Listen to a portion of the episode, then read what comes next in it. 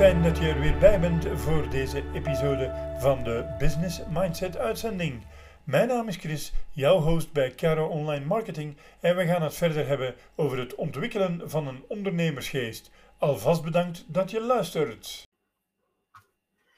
Een heel speciale eh, aflevering, een heel speciale episode, want vandaag is het woensdag en normaal gezien wordt mijn episode op dinsdag gepubliceerd. Hoe dat komt? Wel, gisteren was niet de beste dag voor mij. Ik voelde me niet echt gezond. En ik was ook aan het spelen met een idee die mijn vrouw Caroline mij gaf. Want we hebben het altijd gehad over business mindset. En dat is goed. Ehm, maar ze zei: Ik denk dat mensen nog meer geïnteresseerd gaan zijn. Als ze weten wie jij echt bent. Wie wij echt zijn. Hoe wij in elkaar zitten. Want ja, wij hebben een business mindset. Dus let the people know who you are. Hè? En dat heb ik dus inderdaad tot mij genomen, even over nagedacht. En vandaar dat ik deze morgen deze podcast opneem, beginnende met. Ik heb het niet gisteren gedaan, want ik voelde mij niet zo lekker in mijn vel. Het is dus inderdaad zo dat je als ondernemer weinig of geen tijd kan hebben om ziek te zijn of om je niet goed te voelen. Maar het kan nu eenmaal gebeuren, want ja hoor, ook een ondernemer is en blijft een gewoon mens. Dan moet je dus jezelf bewust zijn en moet je even tijd voor jezelf nemen, tijd om te recupereren, tijd om beter te worden, wel wetend dat die tijd weer wordt ingehaald de dag erna. De enige oplossing die je daarvoor kan ehm, vinden is als je nu zegt van oké, ik kan even niet, ik moet weg, ik ben ziek en ik wil toch niet de dagen erna harder werken, dan uh, heb je als enige oplossing de dagen ervoor harder te werken. Als je zorgt dat je voor bent op je schema, dan kan je ervoor zorgen dat er wel eens tijd is om te recupereren, om je beste zelf te zijn. Trouwens, als je niet je beste zelf bent, en dat is dan mijn mening, dan kan je ook beter niet met klanten in aanraking komen of niet uh, iets gaan doen dat belangrijk is, want je geest is niet helemaal mee, je lichaam is niet helemaal mee. Met andere woorden, je hebt niet je opperste, beste uh, humeur, wat ook weer heel menselijk is. Daarnaast is het ook zo dat als je dat allemaal voorziet, dat een ondernemer of een, uh, een, een entrepreneur niet alleen harder werkt, maar ook slimmer werkt. En wat is nu slim werken? Wel, zoals ik al in een van mijn vorige pods gezegd heb, een arbeider is iemand die betaald wordt door iemand anders om het werk dat hem gevraagd wordt te doen. Stel je voor dat je in een fabriek gaat werken en er wordt een bepaalde taak van jou verwacht en jij denkt in jezelf, daar heb ik nu eens geen zin in. Ik vraag aan Jan of Piet of, of Maria dat zij mij die taak doet en ik geef een stukje van mijn loon. Dat gaat dus niet geapprecieerd worden. Het werk dat van jou verwacht wordt, moet je ook zelf doen. Een ondernemer daarentegen heeft de mogelijkheid, en ik raad het zelfs sterk aan, om te gaan delegeren. Met andere woorden, voor mensen die pas begonnen zijn in het ondernemerschap, delegeren is zorgen dat je een mastermind, een groep van mensen rond je hebt, die de dingen doen die uh, verwacht worden van het bedrijf. Dus aan de ene kant heb je de werknemer waar de dingen van verwacht worden dat hij of zij het doet. Aan de andere kant heb je de ondernemer waar niks persoonlijk verwacht wordt, maar van het bedrijf uh, verwacht wordt dat er dingen gedaan worden. De mensen rondom jou is dus jouw mastermind. En waarom noemen ze het een mastermind? Wel, als we kijken naar de meest succesvolle uh, ondernemers die er geweest zijn op de wereld en die er nu nog zijn, dat zijn mensen die eerst en vooral heel goed beseffen dat ze niet alles weten en dat ze niet alles kunnen.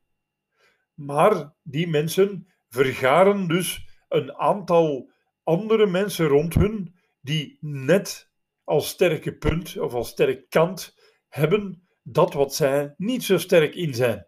Stel je voor, Eh, je bent geweldig in plannen maken, in, in het uittekenen van plannen, hoe je de dingen gaat doen.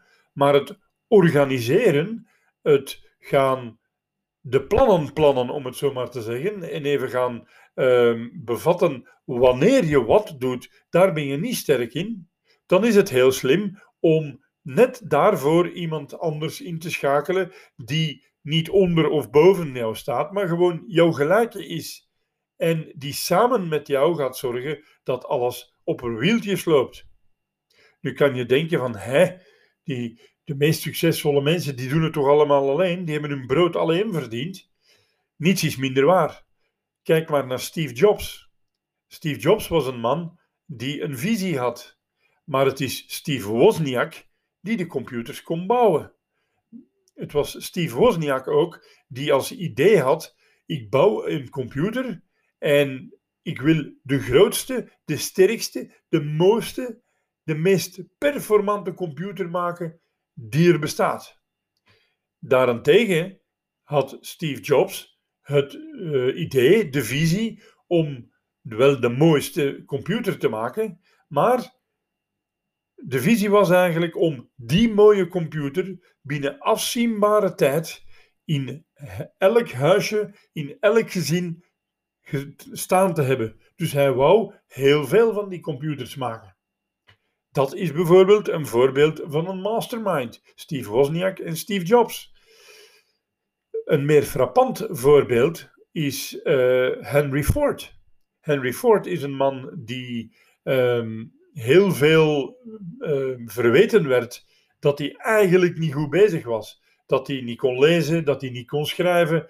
Dus dat het eigenlijk een idioot was, werd er letterlijk gezegd. Dat hoefde hij niet te pikken en hij is dus naar de rechtbank gegaan, waar advocaat na advocaat na advocaat, ik geloof zelfs dat ik het in een vorige pot ook al verteld heb, um, op hem inhakte om toch maar te bewijzen voor de rechter, deze man is een idioot kan niet lezen, kan niet schrijven. Tot Henry Ford de kans kreeg om zich te verdedigen en hij zei: Het kan misschien wel zijn dat ik niet kan lezen en niet kan schrijven, maar wat ik wel heb, ik bezit meer dan genoeg geld om jullie advocaten in te huren om voor mij te komen lezen en schrijven. Wie is nu de idioot? Op dat moment verwees Henry Ford naar de mastermind die je bouwt als je een ondernemer wil zijn. Dus de les van vandaag is een beetje: wees soepel als ondernemer. Wees bewust van wat er moet gebeuren en niet gebeuren als ondernemer. En stap ervan af dat je alles zelf moet doen.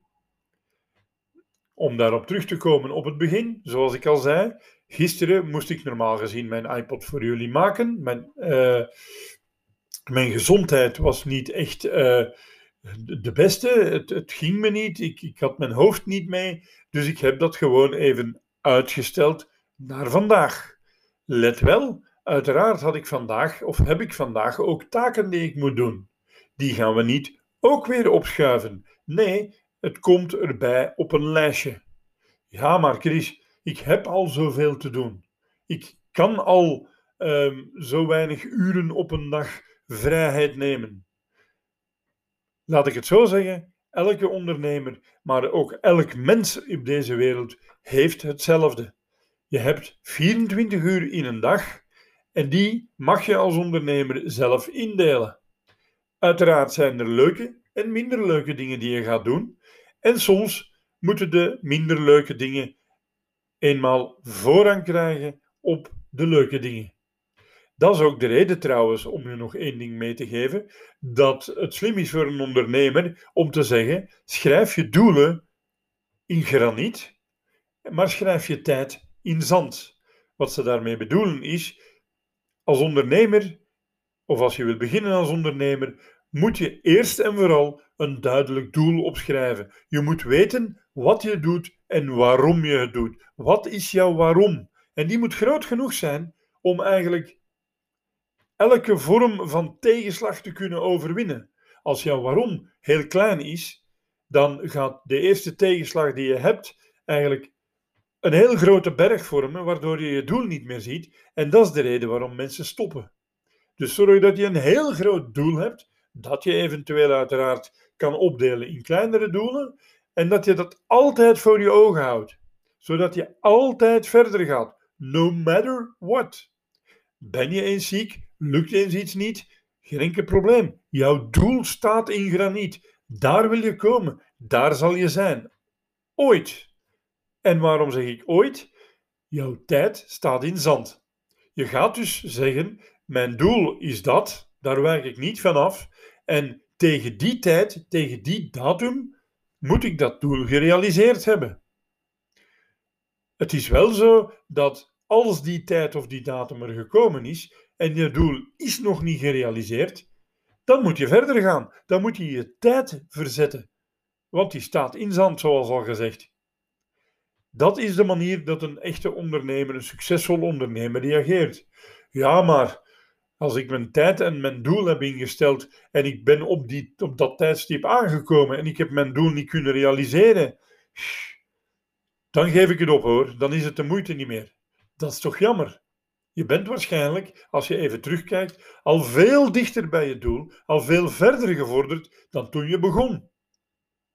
Dus mensen, geef het niet op, wees soepel, wees aanpasbaar, zorg dat je gezondheid top blijft, zorg dat je altijd on top of your game bent en ik ben er zeker van dat ook jij zal slagen in het ondernemerschap. Veel succes en tot volgende keer.